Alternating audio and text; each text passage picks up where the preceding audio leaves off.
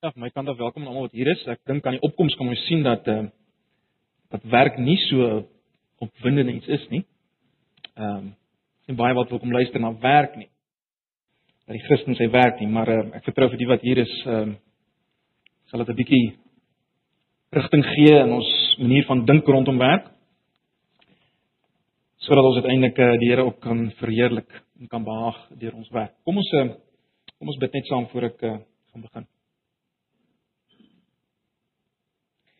Here baie dankie dat ons met mekaar kan wees. Al is ons net 'n paar vanaand. Ek wil net vra dat U uit genade uit ten spyte van wie en wat ons is in onsself dat U ter wille van U naam en U eer en ter wille van die feit dat ons U liggaam is met ons kom praat. Kom vernuwe ons denke, Here. Veral dan rondom hierdie hele saak van werk. Ons vra dit in Jesus se naam. Amen. Goed, ek wil begin met eh, Romeine 12. Kom ons lees net daai eerste paar verse van Romeine 12 as vertrekpunt. Uh, as ons gaan praat oor hierdie onderwerp van die Christen en sy werk. Romeine 12. Paulus sê nou doen ek 'n beroep op julle broers op grond van die groot ontferming van God, gee julleself aan God as lewende en heilige offers wat vir hom aanneemlik is. Dit is die wesentlike van die godsdiens wat jy moet beoefen.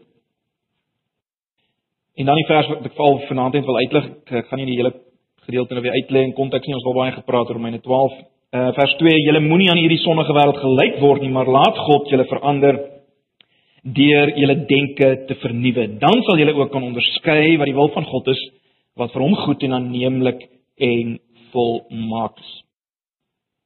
So Paulus doen 'n beroep hier uh op die gelowiges om nie wat hulle denke eh, betref gelykvormig te word aan die wêreld nie. Letterlik hulle moenie toelaat dat die wêreld uh hulle druk in sy vorm nie maar hulle moet verander word ehm uh, Hulle moet vernuwe word in hulle denke sodat hulle die wil van God uh, kan onderskei. En natuurlik weet ons dat ons kan net vernuwe word in ons denke deur die woord van God. Uh dit is die middel wat hy gebruik om ons denke te vernuwe. En vanaand wil ek hê ons moet net kyk na hierdie hele onderwerp van werk. En ek wil hê ons moet uh, toelaat dat die Here ons denke vernuwe rondom die hele saak van werk. Ek dink is 'n geweldig belangrik dat ons anders dink as die wêreld uh oor werk en ek bevrees baie keer dink ons nie anders oor werk as die wêreld nie. So dis waar ek net vanaand wil praat. Ehm uh, as heel wat dingetjies wat ek wil deurgaan, so ek gaan so 'n bietjie aanstoot. Uh maar kom ons kyk daarna. Ek wil hê ons moet begin om net te kyk na 'n paar algemene sienings van van die mense rondom ons, die wêreld oor werk en ongelukkig uh is dit so dat baie Christene deel hierdie sieninge rondom werk. So ek gaan net 'n paar dinge uitlig, so so vyf dingetjies. Uh vyf sieninge van werk soos ek sê wat wat ons dikwels ongelukkig deel met die wêreld rondom werk. Die eerste siening is dit, uh, dis mense wat uh wat eintlik net werk om uiteindelik nie te werk.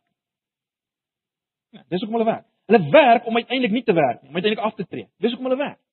En onder hierdie groep val die uh die werkoliste en die ouens wat kyk met hoe min hulle kan wegkom, né? Nee, albei hierdie groepe val onder hierdie groot kategorie van hulle werk net sodat hulle uiteindelik nie hoef te werk nie, sodat hulle kan aftree.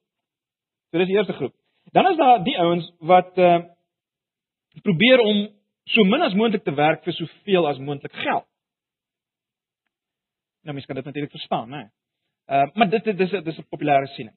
Uh hoe min kan ek werk en hoeveel geld kan ek kry? Dis hoekom al hierdie schemes, né, so so gewild is. Al die piramideskemas so goeders want jy weet jy hoef nie baie baie te werk nie, maar jy kan al die geld kry. Dis baie gewild. So dis dis nog 'n siening van werk.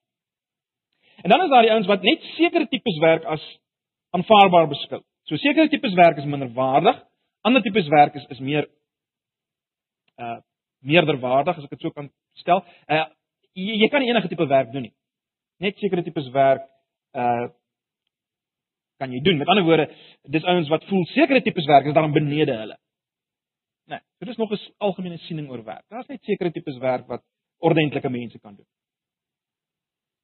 Dan is daar die groep mense wat net werk om die ouens bo hulle gelukkig te maak. Ek meen dis is eintlik alwaar vir hulle werk. Dit is eintlik 'n groot stryd en las en ellende, maar ek moet net die ouens bo my gelukkig maak. Die CEO of wie ook al bo my aangestel is, ek moet hom net gelukkig maak.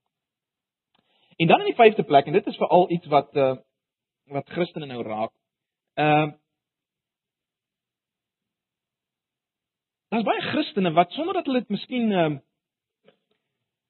eksplisiet so sal stel, dink hulle dat werk is sekulêr.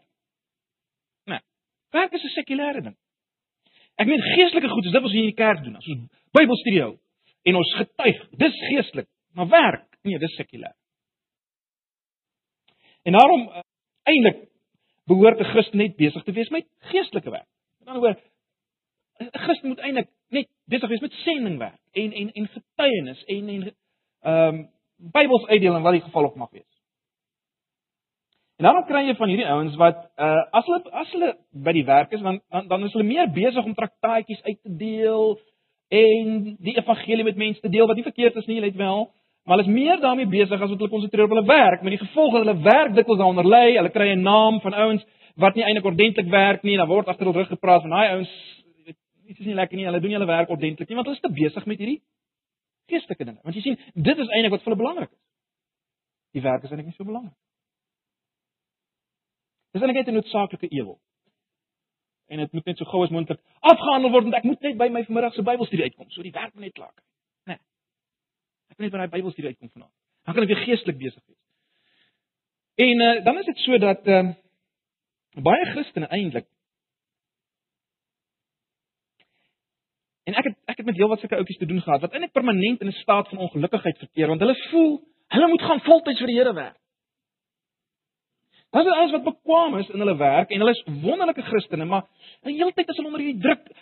Hulle wil vol hulle moet voltyds vir die Here gaan werk en hulle is nie nou besig om dit hulle is mors eintlik nou hulle tyd.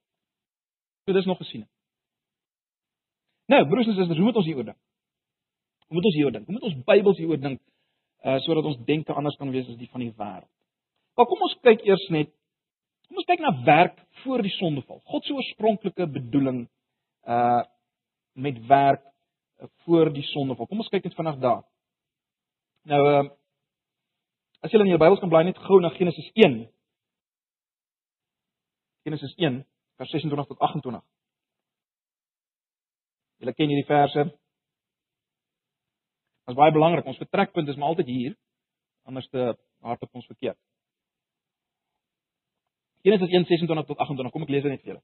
En God het gesê, ek lees die 53 vertaling. Dis ongelukkig iemand wat ek uitgedruk het hierso, so ek gaan hom nou maar lees. Nou ek net rond te blaai. Uh en God het gesê, laat ons mense maak na ons beeld, na ons gelykenis en laat hulle heers oor die visse van die see en die voëls van die hemel en die vee en oor al en oor die hele aarde en oor al die diere wat op die aarde kruip. En God het die mense geskape na sy beeld, na die beeld van God het hy hom geskape, man en vrou het hy hulle geskape. En dan baie belangrik. En God het hulle geseën en God het vir hulle gesê: "Wees vrugbaar en vermeerder en vul die aarde, onderwerp dit en heers oor die visse van die see en die voëls van die hemel en oor al die diere wat op die aarde kruip.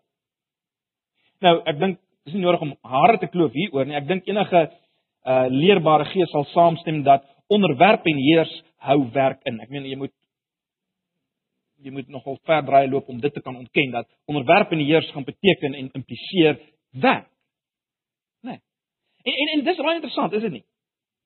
dat God hier kom in sy hoogste doel vir die mens en hy skryf nie hy skryf nie 'n spesifieke handeling van aanbidding voor nie.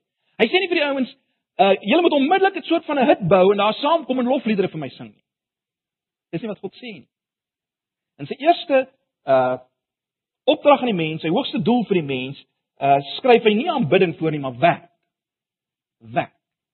sien julle? Dis belangrik. Skryf werk voor.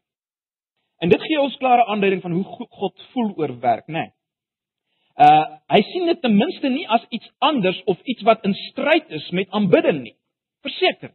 Hy sien dit nie as iets wat anders is as aanbidding en in stryd is met aanbidding nie. Dis wat hy wil hê as sy beelddraers moet ons dit doen. Né?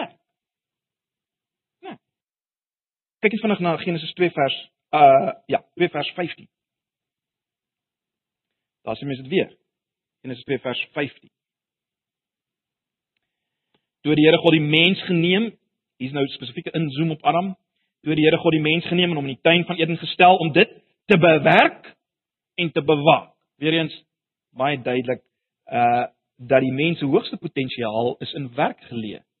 As beelddraer van God is selfs hierdie eenvoudige ding om die tuin te bewerk en te bewaak is is is nie benede hom nie, dis wat God wil. Dis nie benede die mens. So, net op grond van dit wat ons nou sien hier voor die sondeval, kom ons kyk net na vinnige paar implikasies. Eerstens Die mens as mens is gemaak vir aktiwiteit en nie vir onaktiwiteit, né? Nee. of laat ek dit so stel, die mens as mens is gemaak vir werk en nie vir onaktiwiteit nie. Uh baie keer vandag is die mentaliteit wel die mens is gemaak vir plesier of hy's gemaak vir ontspanning of hy's gemaak vir voortplanting of wat die geval mag wees. Wel, in God se oorspronklike bedoeling is die mens baie duidelik gemaak vir werk en nie vir onaktiwiteit nie. Dit is die hoogste doel vir mense vandag om niks te doen nie, né? En dis om aftree so gewild is. Ek meen aftree is 'n geweldige ding. Want dan hoef ek niks te doen. Dis 'n ewel. Goed, tweedens. Onaktiwiteit en onproduktiwiteit is teenstrydig met die Skepper se bedoeling, né? Dis dit vloei natuurlik hier uit voor. En dan net 'n laaste implikasie wat ons nou al vir mekaar kan sê is dat onwilligheid en traagheid ten opsigte van werk. Dit maak nie saak uh, hoe geestelik jy is by die werk nie. Hoeveel traktaatjies jy uitdeel nie. Onwilligheid en traagheid ten opsigte van werk is 'n getuienis van sonde in die menslike ras. Getuienis van sonde. Ek dink ons kan met redelike sekerheid aanneem ek kan nou nie te veel op ingaan vanaand nie, maar ek dink mense kan met sekerheid aanneem dat by die eerste mense het werk saamgegaan met vreugde. Verseker. Werk het saamgegaan met vreugde. Uh, en dit sou altyd so wees as sonde nie ingekom het nie. In ander woorde, die implikasie is as daar nie vreugde in werk is nie, is daar sonde. Dis 'n bewys van sonde. Ek sê nie noodwendig jou sonde nie.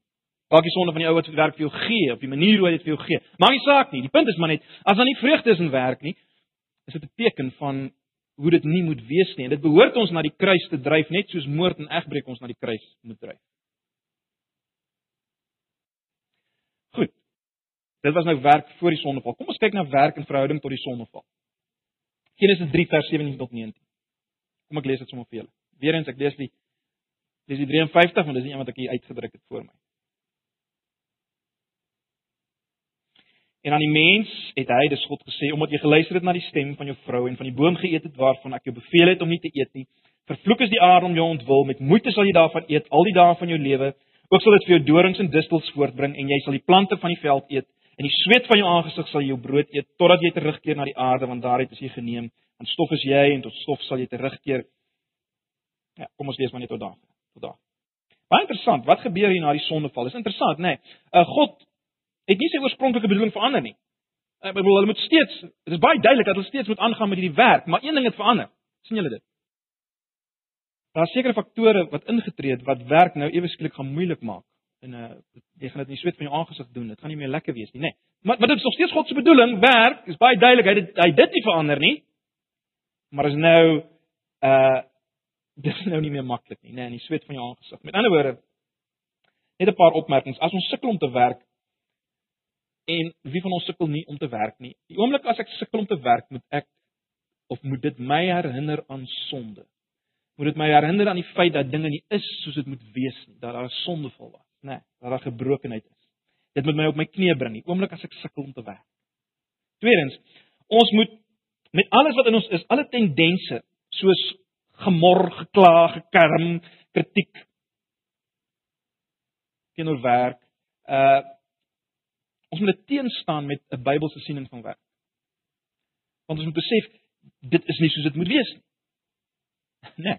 Werk is nie is nie so nie. Werk is nie iets waaroor gemor en gekla en gekerm moet word nie. Dit dis wat sonde daarvan gemaak het. Ja, dis nie hoe dit moet wees nie. Nee. En uiteindelik net in die derde plek baie vinnig. Dit moet ons laat uitsien na die uiteindelike verlossing wanneer ons sonder trane bevry van die vloek, let wel weer sal werk vir God. 'n Nuwe skepping. Ons gaan nie ronddryf op wolkies nie. Ons gaan werk son hom verheerlik in alles wat ons doen. Ehm um, wat presies dit sal wees, weet ek nie, maar ons kry aanleiding dat ons sal heers en regeer uh op 'n nuwe skepping saam met God, op 'n nuwe skepping saam met God. Goed. Ons het nog kyk na voor die sondeval, ons kyk werk in verhouding met die sondeval. Kom ons kyk in die res van die Ou Testament, net baie vinnig.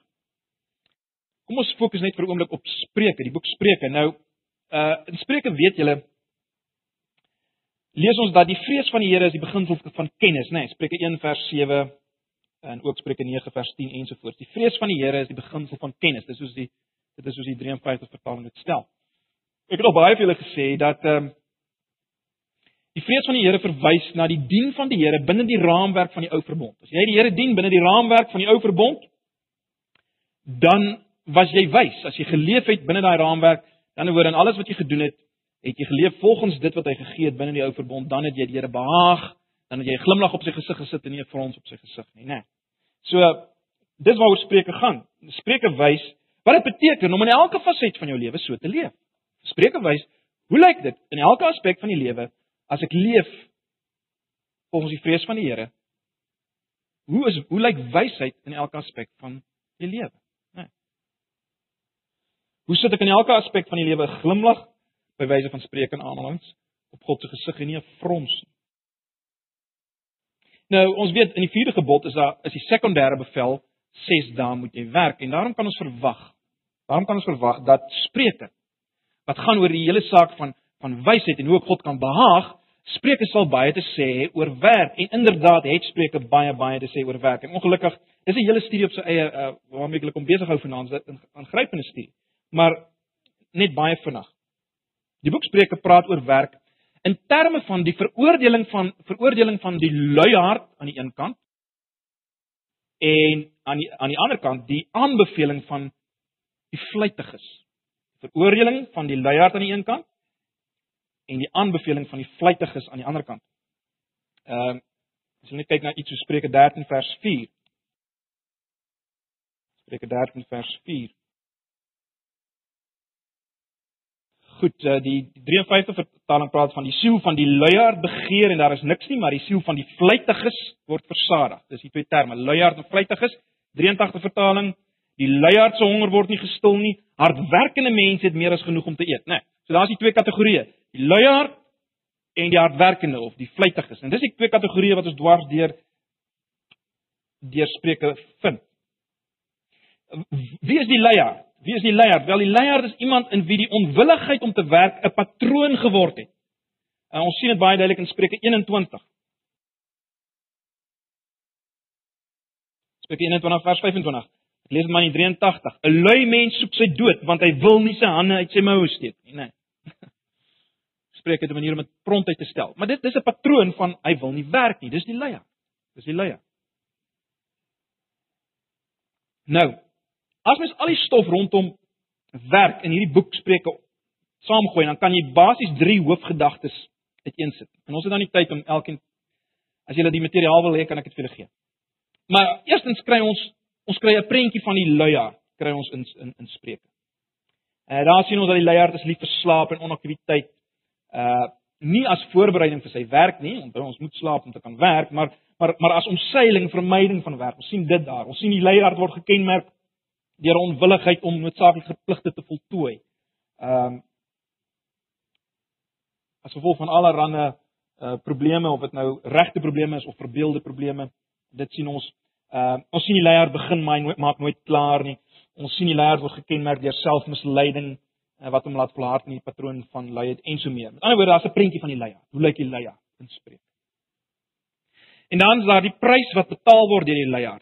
Klomp gedeeltes wat daaroor gaan. Wat is die prys wat betaal word uh deur die leier? Dit plaas jou op die pad van selfvernietiging, konstante frustrasie, uh uh tekort aan nodige dinge vir bestaan.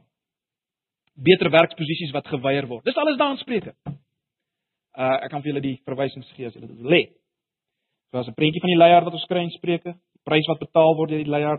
En dan is daar God se uitspraak met betrekking tot die karakter van die leier. En dit kan ons miskien net vanaand na kyk, Spreuke 18 vers 9. Spreuke 18 vers 9. Dis God se uitspraak oor die persoon wat lui is. Vers 9. Een wat nalatig is met sy werk en een wat alles afbreek, is tweelingbroers. Een wat nalatig is in sy werk en iemand wat alles afbreek, is tweelingbroers, sê God. So, in eenvoudige taal, wat beteken dit? Volgens volgens God val 'n luiaard in dieselfde kategorie as 'n vandalis en 'n inbreker. 'n Luiaard val in dieselfde kategorie as 'n vandalis en 'n inbreker. So, broers en susters, wat ons in draak sien is dat luiheid, met ander woorde, gesindheid van ek wil nie werk nie, word net so verdoem in Spreuke soos egbreek en leuns en dronkenskap. Selfe. En daarom die vraag wat jy jouself moet afvra, wat doen ek as Christen as ek hierdie dinge in my lewe bespeer? Wat moet ek doen as ek luiheid bespeer in my lewe? Wat moet ek doen met daai luiheid?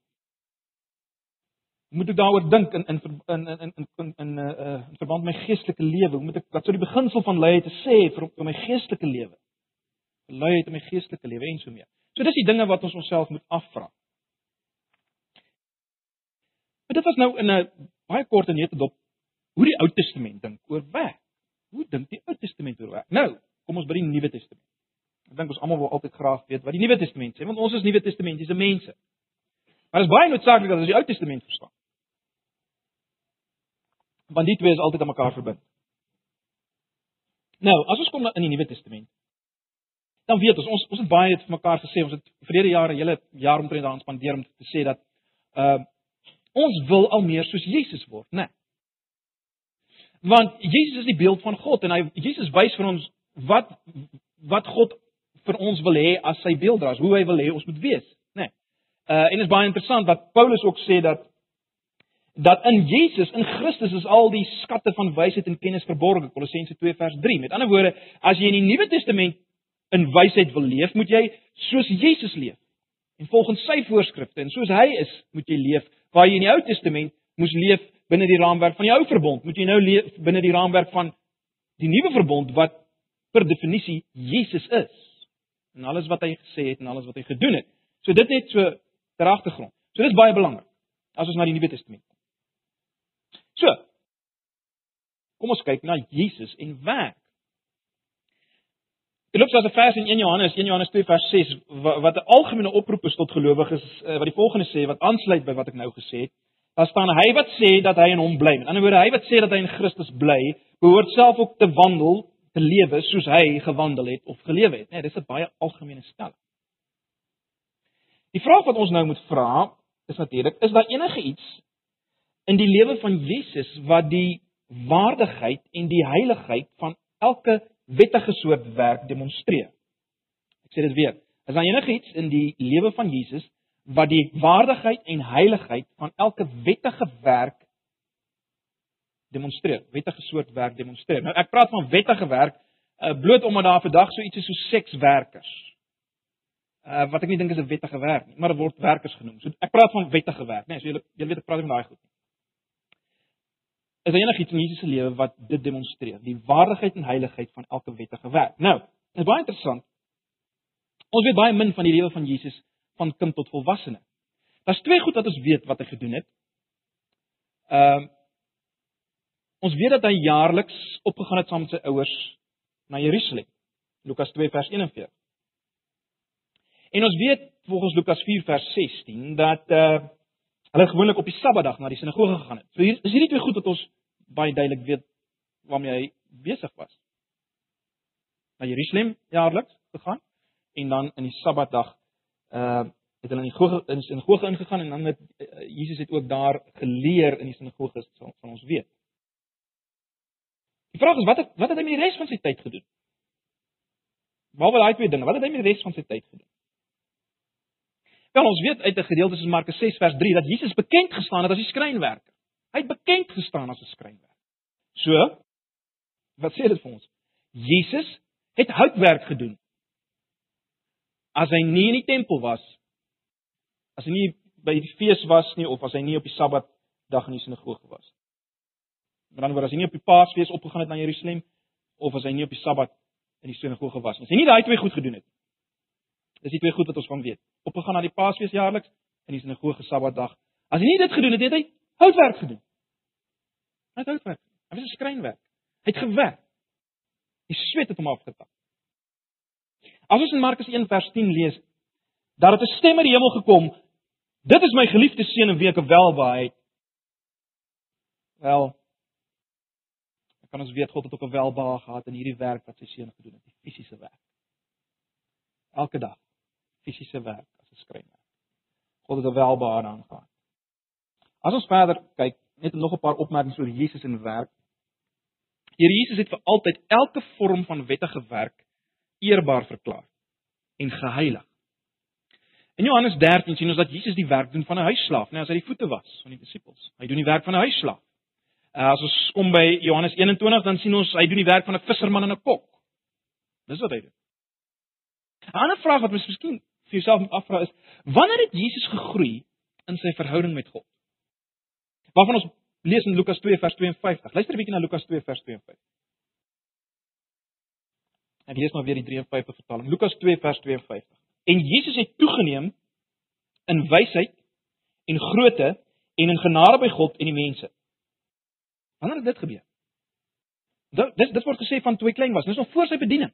Né, nee, dis nou hierdie tydperk uh van 12 tot 30, né, nee, daai 18 jaar. Wanneer het hy toegeneem in wysheid en grootte en genade by God en die mense? Wanneer? Wel terwyl hy gewerk het.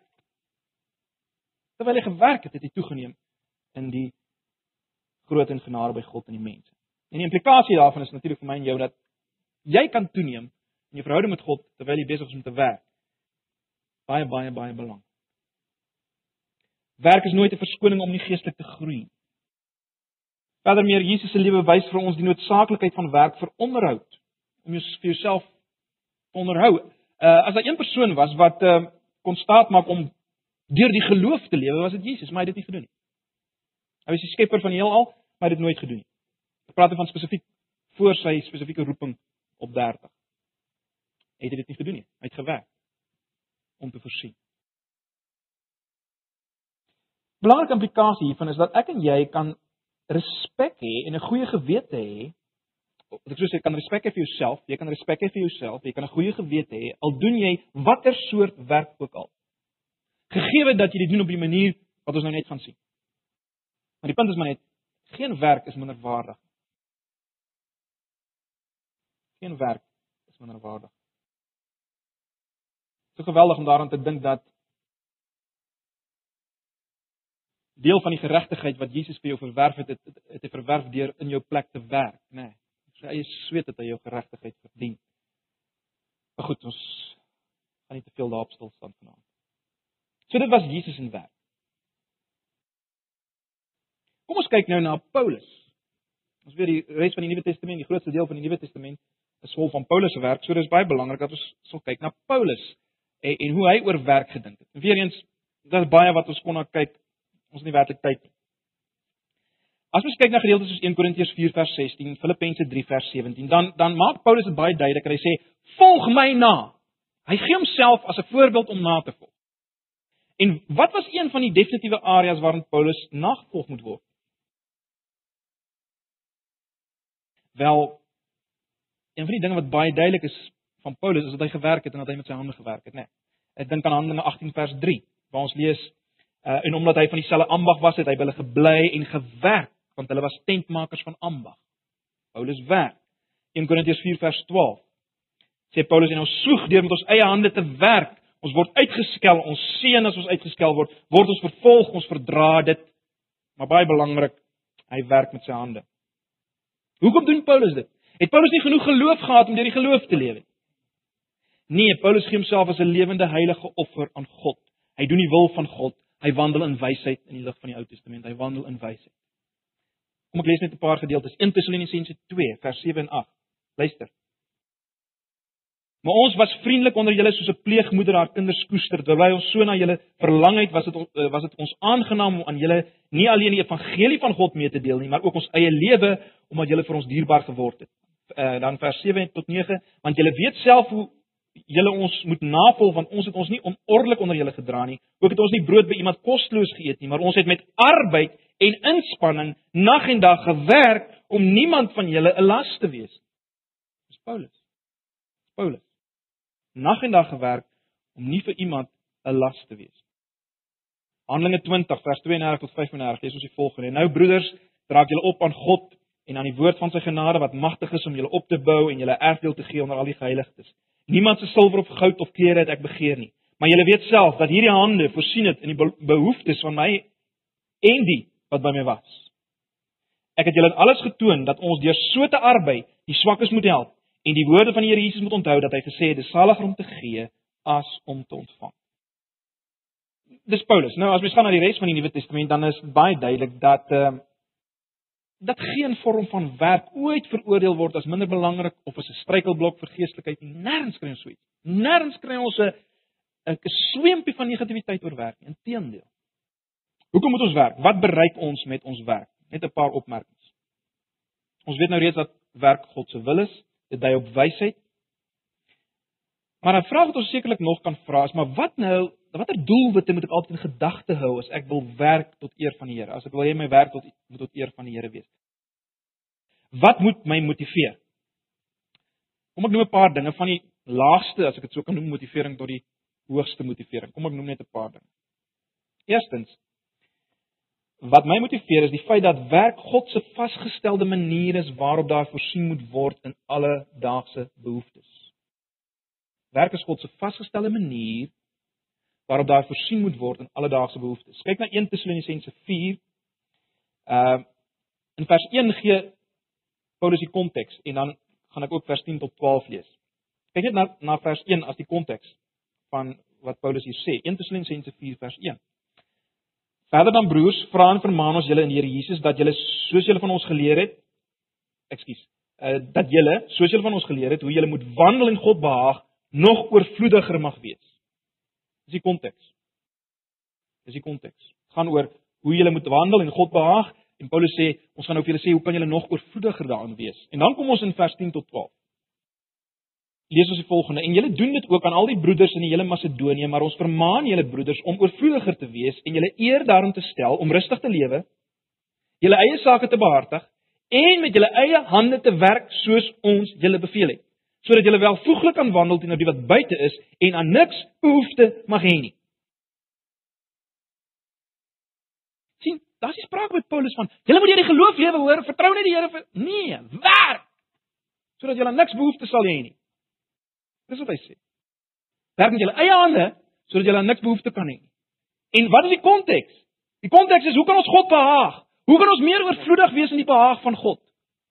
Dis die konteks. En die antwoord werk. 2 Tessalonisense 3 vers 10 tot 12 sê Paulus, want ook toe ons by julle was, het ons julle dit altyd beveel as iemand nie wil werk nie, moet hy ook nie eet nie. Want ons haal dit baie keer aan, né? En dit is net so eenvoudig dat mense amper nie eens wil noem nie, maar dit was nodig om dit toe vir mense te sê en ek dink dit is vandag ook nodig om dit vir mense te sê. En as daar's 'n groot gevaar van supergeestelikheid vandag. Uh veral in die sendingveld en so meer. Ja, ek wil nie baie daaroor sê nie, maar maar maar, maar julle hoor waaroor dit gaan. Kom ek stel dit so, dieselfde Here wat wat beveel het om te bid, gee ons vandag ons daaglikse brood. Beveel hier die apostel dat daar moet gewerk word vir daai kos. Jy sien, die goed staan nie teenoor mekaar nie. Selfs God het gesê, bid, gee ons vandag ons daaglikse brood, sê hy wat nie werk nie, mag nie eet nie. Selfs God. Dit is nie teenstrydigheid nie. Kom ek stel dit so. Ek ek het dit iewers gekry, ek kan nie onthou waar nie. Iemand het dit so gestel, hy het gesê om te werk en nie te bid nie is om 'n praktiese ateïs te wees. Om te bid en nie te werk nie is om 'n vermetelde fanatikus te wees. Hy wat egter met nederige afhanklikheid na God kyk en dan gaan werk, is 'n intelligente Christen. So, onthou dit. En daarom broers en susters om in die oggend op te staan en te dink ek gaan werk om te voorsien in my daaglikse behoeftes. Dis nie verkeerd nie. Dis nie ongeestelik nie. Jy behaag God as jy opstaan en sê ek gaan vandag werk om te voorsien in my behoeftes behaag jy God en jy is oorvloedig daar. Goed, tweedens. Werk is die middel om te voorsien aan die vir wie ek eties verantwoordelik is. Kom ek lees net 'n paar gedeeltes. 1 Timoteus 5 vers 8.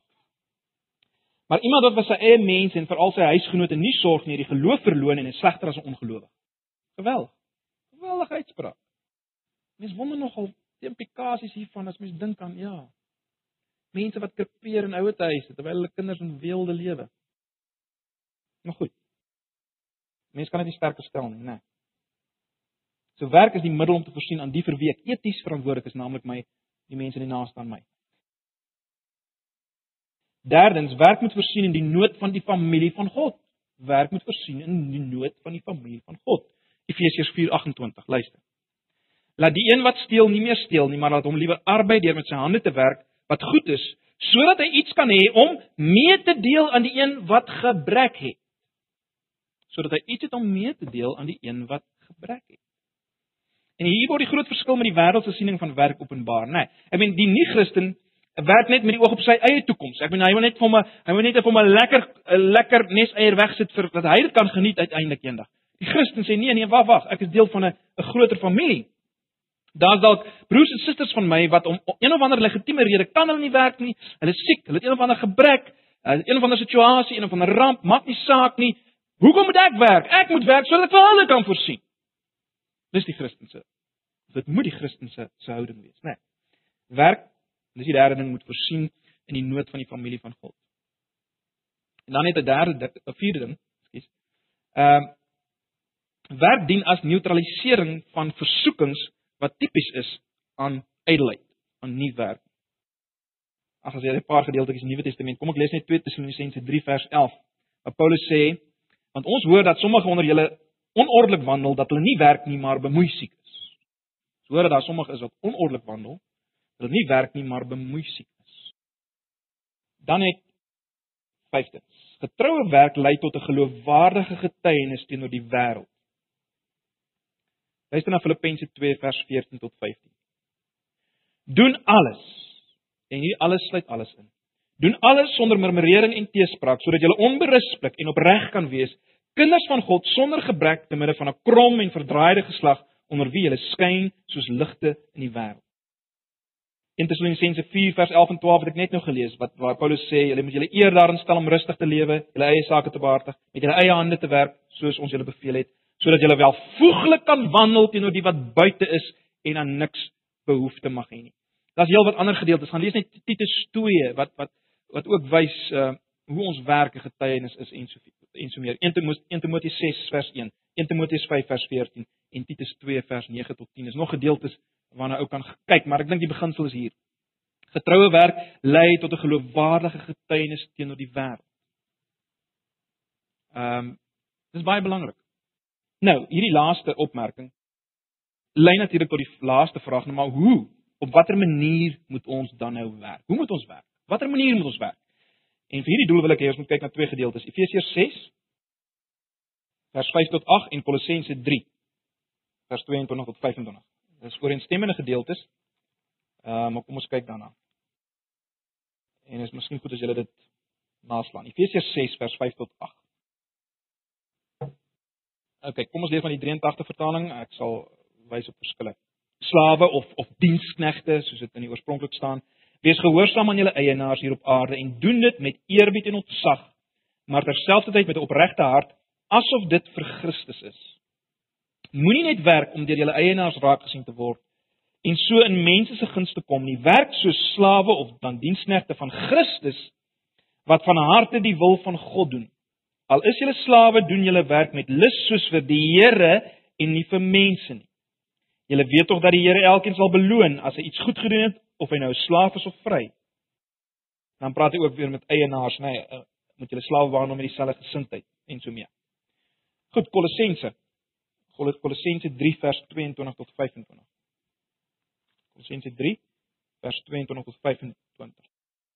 Slawe of dan diensknegte, wees in alles gehoorsaam aan julle eienaars hier op aarde. Moenie net werk om deur hulle raak gesien te word en so in mense se gunste kom nie, maar werk met opregte hart uit eerbied vir die Here. Wat julle ook al doen, doen dit van harte soos vir die Here en nie vir mense nie, omdat julle weet dat julle van die Here as beloning sal kry wat hy beloof het. Christus is die Here in wie se diens jy staan. Christus is die Here in wie se diens jy staan, of soos dit in die 53 vertaling staan, want jy dien die Here Christus. Baie belangrik. Die onreg doen sal gestraf word oor die onreg wat hy gedoen het. Die Here trek niemand voor. Nou as mens kyk na hierdie gedeelte, die die die terme wil van God kom hier voor in Efesiërs 6 vers 6 uh of Kolossense 3 vers 20 ehm um, ehm um, praat oor dit wat die Here verlang ek ekskuus vers 22 ehm um,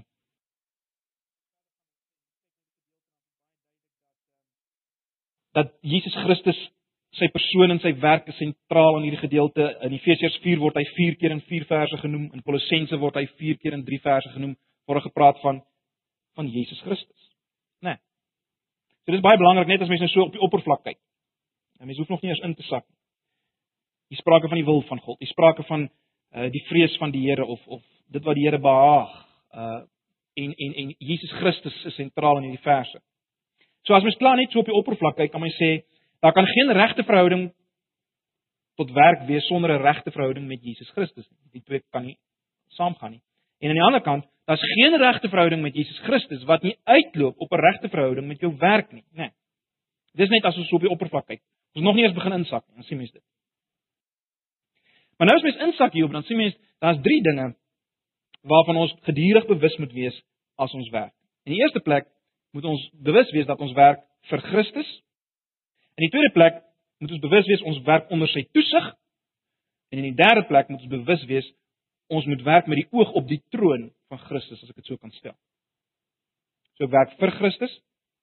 Ek werk onder sy toesig en ek werk met die oog op eendag as ek voor sy troon gaan staan. Dis wat ons sien in hierdie gedeeltes. As mens na hierdie kerngedeeltes kyk, sou jy gesien het daar sprake van aardse werkgewers of here na die vlees soos die 53 vertaling dit stel of aardse werkgewers. En uh dit alleen beklemtoon vir ons dat dat ons ook 'n ander werkgewer het. Ons het ons het aardse werkgewers, maar ons het 'n ander werkgewer. En daarom het, ek het dit vir julle beklemtoon, daar staan want julle dien die Here Christus. Kolossense 3 vers 24, né? Nee. En Efesiërs 6 vers 7. Julle dien die Here en nie mense nie, né? Nee. Ek het dit uitgelig toe ons dit gelees het, né? Nee. Julle dien Christus. En daarom sal ons nooit die regte verhouding kan hê teenoor die mense vir wie ons werk hier op aarde as ons nie verby hulle kyk na die feit dat ons eintlik nie vir hulle werk nie, maar ons werk vir die Here. Nee. Ons sê dit baie vir mekaar, maar ons moet dit ons moet raak sien, né? Nee. Ons is nie diensknegte of slawe van 'n menslike meester nie, maar van Jesus Christus. Dis wat duidelik hier na vore kom. Julle dien Jesus Christus. Julle is werk Julle is werknemers van hom. So wat wat sê dit vir ons? Wat is die implikasie? Die implikasie is broers en susters, as jy werk as Christen, is jy in voltydse Christelike werk. Punt. Jy hoef nie te gaan sendingwerk doen nie. Jy hoef nie traktaatjies uit te deel nie. As jy as Christen werk, is jy in voltydse Christen werk.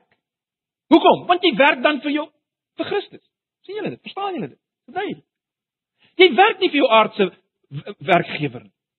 Dit is duidelik in die gedeelte in Efesiërs, die gedeelte in Kolossense, julle dien Christus, julle werk vir hom. Jy vergeet van hierdie ouens om hulle te behaag, julle behaag hom. Die punt is met ander woorde, as ek werk as Christen, maak nie saak wat ek doen nie, of ek 'n skrynwerker is en of ek skoolgoed was en of ek by die skool werk, ek werk vir Christus. Ek is 'n voltydse Christen werker. Jy moet dit verstaan. Baie Christene verstaan dit nie. Dis geestelike werk. Met ander woorde, kom ek stel dit negatief. Daar bestaan nie so iets so sekulêre werk vir 'n Christen. Daar is nie so iets so sekulêre werk. As jy as Christen werk, is dit Christelike werk. Christen kan nie sekulêre werk doen nie. Dit is onmoontlik om sekulêre werk. jy moet 'n nie Christen wees om sekulêre werk. Verstaan jy dit? Dis altyd Christen werk, want jy werk nooit vir iemand anders as vir Christus. En dis 'n belangrike denkverskywing wat ons moet maak in ons koppe. En daarom as ons dit begryp het, dan dan dit help om hierdie rotine en dinge waarmee ons so worstel, nê, nee, om dit te verbreek. Maar goed, net baie vinnig. Tweedens, ons werk onder sy toesig. Julle sou dit gesien het in hierdie gedeelte. Moenie werk asof die oog van die werkgewer of jou baas op jou is nie. Werk asof die oog van Christus op jou is, want hy sy want dit is inderdaad so sy oog is op julle. Kyk, wat gebeur as jy net werk omdat omdat jou werkgewer jou dop hou of jou onderwyser by die skool jou dop hou?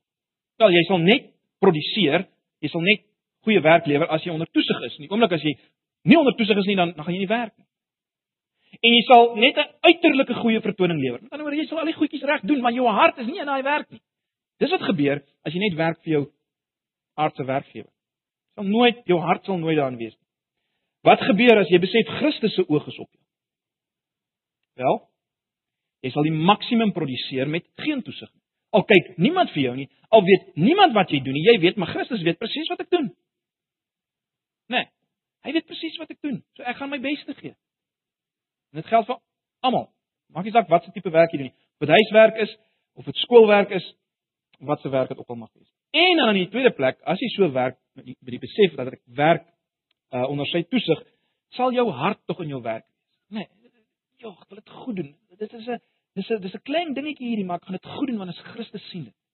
En broers en susters, dis iets waarna ons onsself moet herinner want nat, van nature is dit nie daar nie en ek ek praat oor myself. Ek is een wat die meeste tekort kom daar. Maar ons moet onsself hieraan herinner. En dit geld vir alledaagse lewe, uh, lewenstaakies, net die kinders uh, kinders moet op luister. Die kinders wat wat moet help in die huis en so aan. Dis jy werk vir Christus, né? Nee, werk nooit vir pa of ma nie. Net laat hulle moet tevrede wees nie. Gee gou gou die goed af dat hulle nie sien. Christus sien dit. Ons werk vir hom. En dan net laastens werk met die oog op die troon van Christus. Nou, ek wil nie baie hier hieroor sê nie, maar ehm um, al wat ek wil sê is dit. As mens gaan kyk na hierdie twee gedeeltes al een in Efesiërs. Dan lyk dit tog asof ons werk ons weer gaan ontmoet. Dis al wat ek al wat ek kan sê.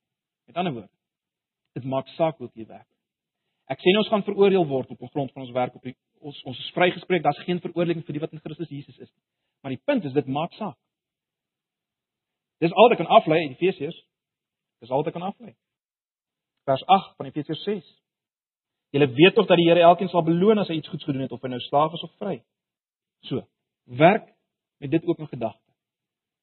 Dit maak saak. Daar is beloning. Ja, daar is genadeloon. Ja, dis dit niks te doen met my verlossing nie. Ja, ja. Maar ek wil hom behaag. Ek gaan eendag voor hom staan. Net 'n laaste vinnig paar slotopmerkings.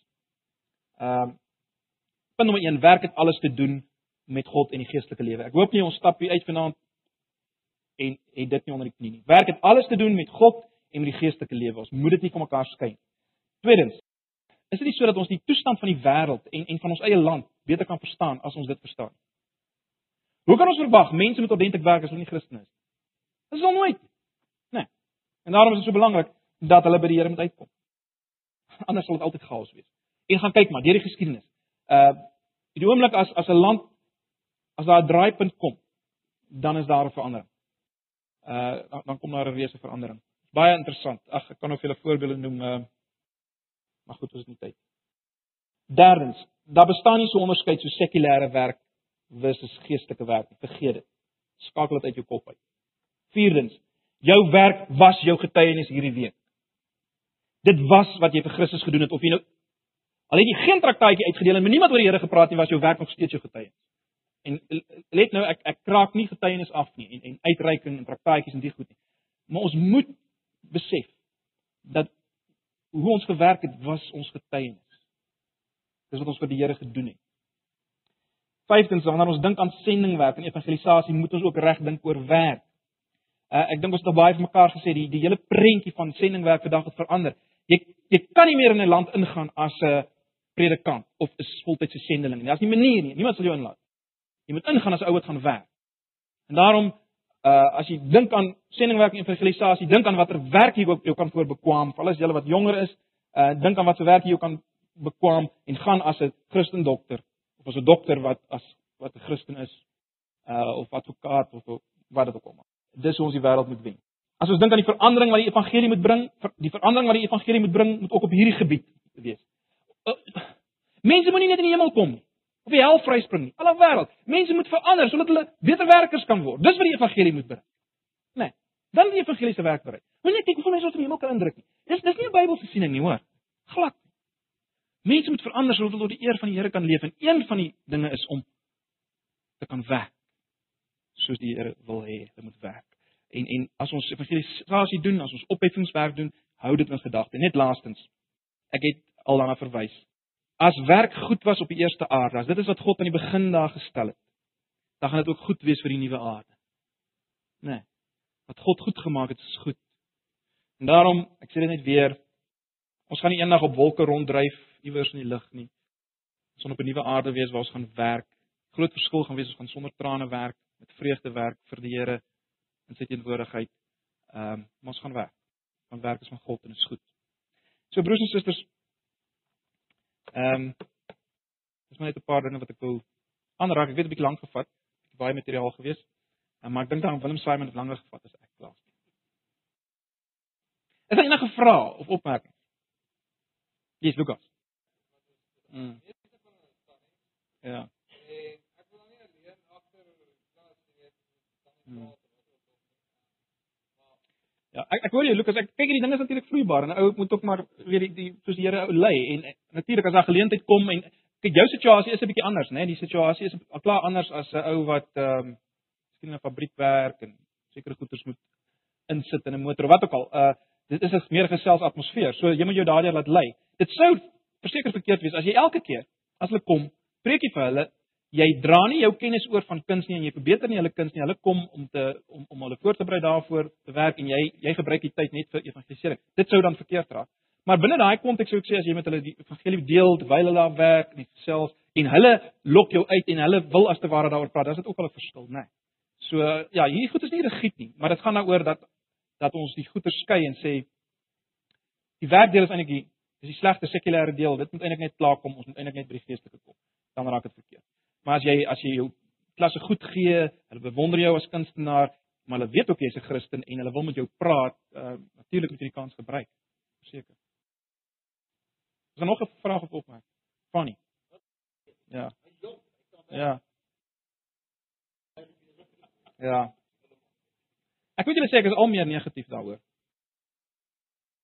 Omdat 'n ouer baie stories van uh, uh, hulle speel op jou gevoelens so goed is en dit is, is inderdaad so van en daar's baie werkies wat hulle kan doen. En daarom ek sê baie eerder met vrymoedigheid vir ou wat ek sien ten minste net ietsie probeer. Hy hy hy verkoop 'n kraletjie. Al plak hy net twee vierhoekies op mekaar en hy verkoop dit aan my, dan sal ek dit vir hom gee. Maar ou wat net staan en sê help want jy speel op jou gevoelens aan en ek dink dis 'n gruwel vir die Here ook, hoor. Dis 'n gruwel vir die Here. Natuurlik moet ons die armes help. Maar hierdie raak baie ingewikkelde ding. Dit raak hele, dit raak hele bedryf. En van daai ouens is is in so 'n mate as jy vir hulle goeie werk aanbied, wil hulle dit nie hê nie, want hulle wil belasting vryspring om hierdie ding doen. En dit's gruwelike stories. So dit raak al meer vir my probleem. Ek gee nie meer vir 'n ou wat met 'n bordjie op sy nek staan. Dis nie sommer. Natuurlik is ons sensitief wees. Sommige kere dit kan uitsonderings wees wat 'n persoon regtig nie kan werk nie. Jy's 'n vrou wat daar staan alleen en die Here lei jou en jy jy gee, maar ek moet julle sê dis uh ja, dis al meer vir my 'n probleem uh wanneer daar is werklik waar soveel ander dingetjies wat jy kan doen. Maar ek wil nie die ek wil nie 'n finale uitspraak hier oorlewe nie. Dis dis moeilik. Uh miskien ek meen ons is nie in daai situasie nie, nee, dit uh, Ja. Ja. En uh, ja. Nee, dis nie dat ou nie jou, jou hart wil sluit en hart wees nie, maar ek ek dink ek dink mens moet baie versigtig wees dat jy nie ingedruk word en saamspeel in iets wat regtig tot onheer van die Here is. Ja. Jy's reg. Hoeveel van hierdie ouens werk vir ander ouens, soos jy sê? Ek weet ons weet dit gebeur in Indië en daai plekke, né? Hulle maak kinders blind en daai kinders moet gaan bedel en daai kinders kry nie daai geld self nie. Daar's weer 'n baas wat daai geld by hom kom kry. Ja. Hulle sien nooit die geld. So ja, dis is dis is dis 'n ewel bedryf hier en ek dink nie ons moet daarvan deel wees. Dis 'n hele ander saak as iemand oor jou pad kom en hy kom klop jou aan en jy gesels met hom in 'n gesprek en jy kom agter. Ook daar kan ons met mislei word. Ek self is al baie gevang deur goeters, maar Maar ja, ek dink nie ons moet skuldig voel oor hierdie hierdie ouens wat met die bordjies op die pad staan nie. Dit is definitief dit is 'n ewel bedryf wat ons nie baie van deel moet wees. Dink ek. Kan nog op maar. Ja, wel, dit is 'n hele onderwerp so eie, maar ek dink ons het daaraan geraak soos sê jou etiese verantwoordelikheid, nê. Nee, so dit is die man se etiese verantwoordelikheid om vir sy gesin te sorg. Ek dink Paulus neem dit aan, nê. Nee. Uh as jy nie vir jou eie mense sorg nie, dat jy dan die geloof verloon het. So dis 'n man man se eerste verantwoordelikheid om te voorsien in die behoeftes van sy gesin, hy moet aan die leiding daarvan staan. Natuurlik is dit weer eens dit is nie so swart en wit nie, daar's gevalle wat uh wat vrouens 'n beter werk mag hê as die man en en eintlik dan die broodwinner is. Ek ek sou nie onmiddellik sê dit is sondig of verkeerd nie, maar ek dink tog die man moet nog steeds die die pas aangeheer wees daar. So ek dink as dit gaan oor oor werk, ehm um, ja, uit die aard van die saak, die man is die primêre een wat wat moet voorsien en so aan. As ons praat van die vrou se werk, is dit wat sy ook al mag doen. Skottelgoed was uh huis skoonmaak, kinders aantrek, kinders opvoed. Dis haar werk. En en en terloops, vrou moet nooit sleg voel en dink uh hoe ek werk nie as ek nie 'n 'n 'n 'n werk daarbey sekulêre werk. Dis nie sekulêre werk, want daar hè? Ja, of 'n inkomste genereer. Inteendeel, Uh ek dink dis die gruwel van ons tyd en dis hoekom ons land so lyk en dis hoekom ons families so lyk en ons gesinne so lyk en ons mensmateriaal so lyk. Is omdat vrouens dink hulle moet gaan werk en hulle gaan in 'n manswêreld in waar hulle nie hoort nie en hulle persoonlikhede verander en hulle word hard en hulle is nie meer maas nie en alles omdat hulle dink hulle hulle, hulle is minder waardig as hulle by die huis werk. En en, en weer eens, onthou wat ek gesê het, Jesus het gewys dat geen werk is minder waardig nie. Hy het alle werke geheilig en 'n waardigheid daaraan gegee. Hy het dit self alles gedoen. En hoeveel te meer 'n vrou wat God gemaak het as die hulp vir die man, dis haar werk. Sy kan totaal, sy hoef nooit skuldig te voel as sy nie 'n sent inbring nie, as sy doen wat die Here vir haar gegee het om te doen, naamlik om haar man te ondersteun, haar kinders groot te maak, uh die huis in in te rig ensovoorts. So ja, dis 'n groot onderwerp, maar verseker primêr is die, is die man die een wat die, as hy nie as hy 'n man kan werk en hy werk nie en hy wag tot sy vrou moet gaan werk, is dit 'n gruwel vir die Here, verseker. Is dit 'n sonde? Uh as hy enigstens kan werk en hy's te lui en hy wag laat die vrou moet werk, dit is omruil van die rolle, dis dis verkeerd. Ehm um, Hy nie, Jeff. Absoluut. Dit is 'n moeilike tyd waarin ons leef. Ehm uh, baie moeilik. So ek sê ek wil nie 'n lyn trek en sê vrouens, ek weet dit is vandag baie moeilik om op een salaris te oorleef. Uh en daarom werk die meeste vrouens, maar ek dink tog in baie gevalle is dit bloot omdat ons nie wil sak met ons lewensstandaard nie. Ehm um, goed, ek is debatteerbaar, jy kan my antwoord daarop. Ek weet die, die lewe is verskriklik duur, maar uh ek dink ons wil hê wat al die ander mense het. Uh is 'n groot probleem en ons boet in, ons boet in by ons kinders, ons boet in en op die, op die eind van die dag kom daai dinge terug na ons toe. Ons ly daaronder as ons as die vrouens werk. Ehm um, al as jy klein kindertjies het, as dit enigstens moontlik is om klaar te kom. Uh sonder die vrou se werk as jy klein kindertjies het, kan ek dit nie kan ek nie sterk genoeg aanbeveel nie. Glad. Ehm um, of beteken dit daar's nou nie meer uit eet nou en dan nie en daar's 'n bietjie minder kos in die yskas en minder naweke weg. Jy moet te werk as die kinders by die huis kan wees by 'n ma wat vir hulle sorg. Goed, dis 'n ander onderwerp. Miskien een waar ons oor kan praat. Dan nog iets oor werk. Hulle moet nou moet luister wat. Ja. Hulle het net veel iets noem. Ehm uh, ek is laat. Ons het nou die dag het ons 'n gesprek gehad saam met 'n Nico van der Merwe wat die ou wat by die skool behoort en uh, Eduplex uh, en Phonak, Phonak en Eduplex behoort. Hy was nou onlangs in Rwanda gewees. En hy sê dis ongelooflik.